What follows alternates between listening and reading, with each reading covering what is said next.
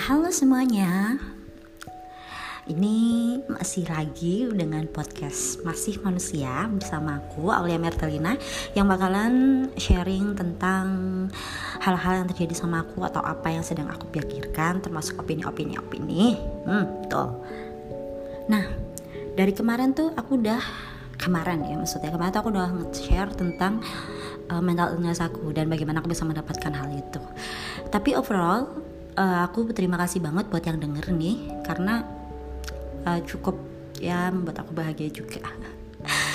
Jadi uh, lanjutan dari kemarin ini merupakan episode kedua podcast aku tentang bagaimana aku bisa bertahan. Semua orang bertanya kan uh, gimana sih mak? Kamu bisa bertahan? Kok kamu kelihatannya ceria-ceria aja?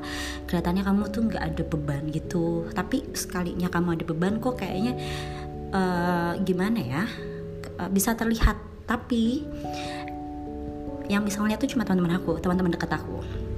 Jadi emang aku terkadang memang kadang memiliki sisi di mana aku nggak bisa bertahan. Nah di sini aku mulai ingin pengen share tentang bagaimana aku bisa bertahan. Pertama aku mikir kalau misalnya aku nggak bertahan sampai sekarang mungkin ada beberapa orang yang bisa saja kehilangan aku beberapa orang yang benar-benar menyayangi aku. Aku entah siapa pun itu entah itu orang tua aku ataupun teman-teman aku. Aku berharap bahwa ketika aku bisa bertahan aku juga memberikan semangat untuk mereka bagaimana mereka melihat aku. Semangat untuk sembuh. Aku masih minum obat. Ini aku masih harus ada kontrol beberapa kali ke dokter. Jadi kayak tujuh seminggu sekali 10 hari sekali itu aku harus kontrol ke dokter aku bertahan dari beberapa sakit ya mungkin ada beberapa kambuh sisi kambuh aku. Dan aku melakukan NSSI atau non suicidal self injury kalau misalnya kalian pengen tahu non suicidal self injury itu apa itu seperti melukai diri sendiri. Kita mengalihkan pikiran kita yang sangat banyak akibat berpikir terlalu keras berpikir terlalu sakit ataupun apa pun itu yang membuat kamu sakit itu NSSI merupakan salah satu jalan untuk aku. Ya memang itu tidak baik. Jangan sampai kalian juga merasakan hal itu. Aku juga nggak ber, berharap ya. Jadi ketika suatu saat uh, aku kambuh misalnya aku bisa mendengarkan cerita yang relate dan tentang hidup aku beberapa kali misalnya tentang teman aku yang terkena sexual harassment tentang kakak aku yang diselingkuhi ataupun siapa pun itu itu aku bisa melakukan NSSI lagi. Nah aku tuh juga kena BPD ya. Jadi kayak BPD itu bipolar disorder. Nah bipolar ini merupakan dua kutub di mana dua kutub ini aku bisa senang banget terus aku bisa langsung sedih banget padahal mungkin paginya aku bisa ketawa-tawa. Tapi kok bisa sekarang aku nggak ketawa-tawa gitu kan? Langsung sedih malamnya atau gimana? Dan melakukan NSSI lagi menangis dan menyalahkan diri aku sendiri. Tapi salah satu yang bisa aku pegang untuk aku bertahan adalah ketika aku kambuh dan aku jatuh teman-teman aku teman-teman dekat aku langsung menyemangati aku. Kemarin uh, seorang mantan aku yang melakukan abusive physically and verbal dia juga menghubungi aku dan pada saat itu aku langsung kambuh lagi malamnya dan aku melakukan NSSI but I can't handle it. Jadi kayak aku meng-share itu di salah satu account aku second account yang menurut aku itu hanya untuk teman-teman dekat aku.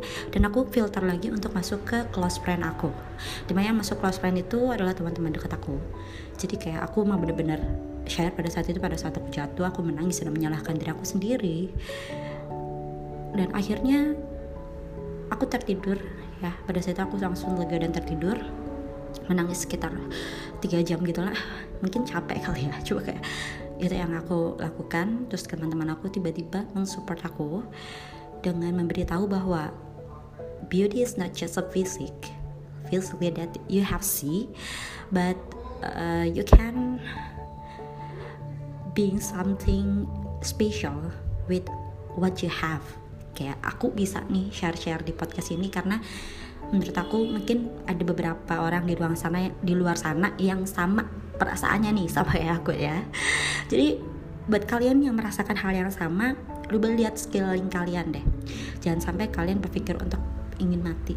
Karena ketika kalian mati itu tidak tidak apa ya tidak menyelesaikan menyelesaikan masalah-masalah kalian duduk kelibet ya bikin podcast aja kelibet gue jadi kayak hmm, mungkin kalian bisa langsung memikirkan hal-hal positif yang terjadi pada diri kalian.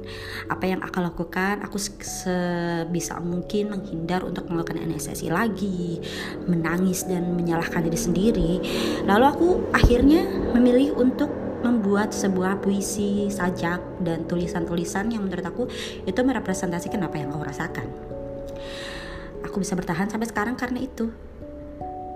Mungkin beberapa orang kayak mikir ini bukan suatu hal yang bagus untuk uh, apa ya mental aku misalnya kayak ngapain sih kambuh ngapain sih NSSI kayak kita nggak bisa denial tentang something it's really hurts myself gitu benar gak bisa banget karena itu sakit banget rasanya.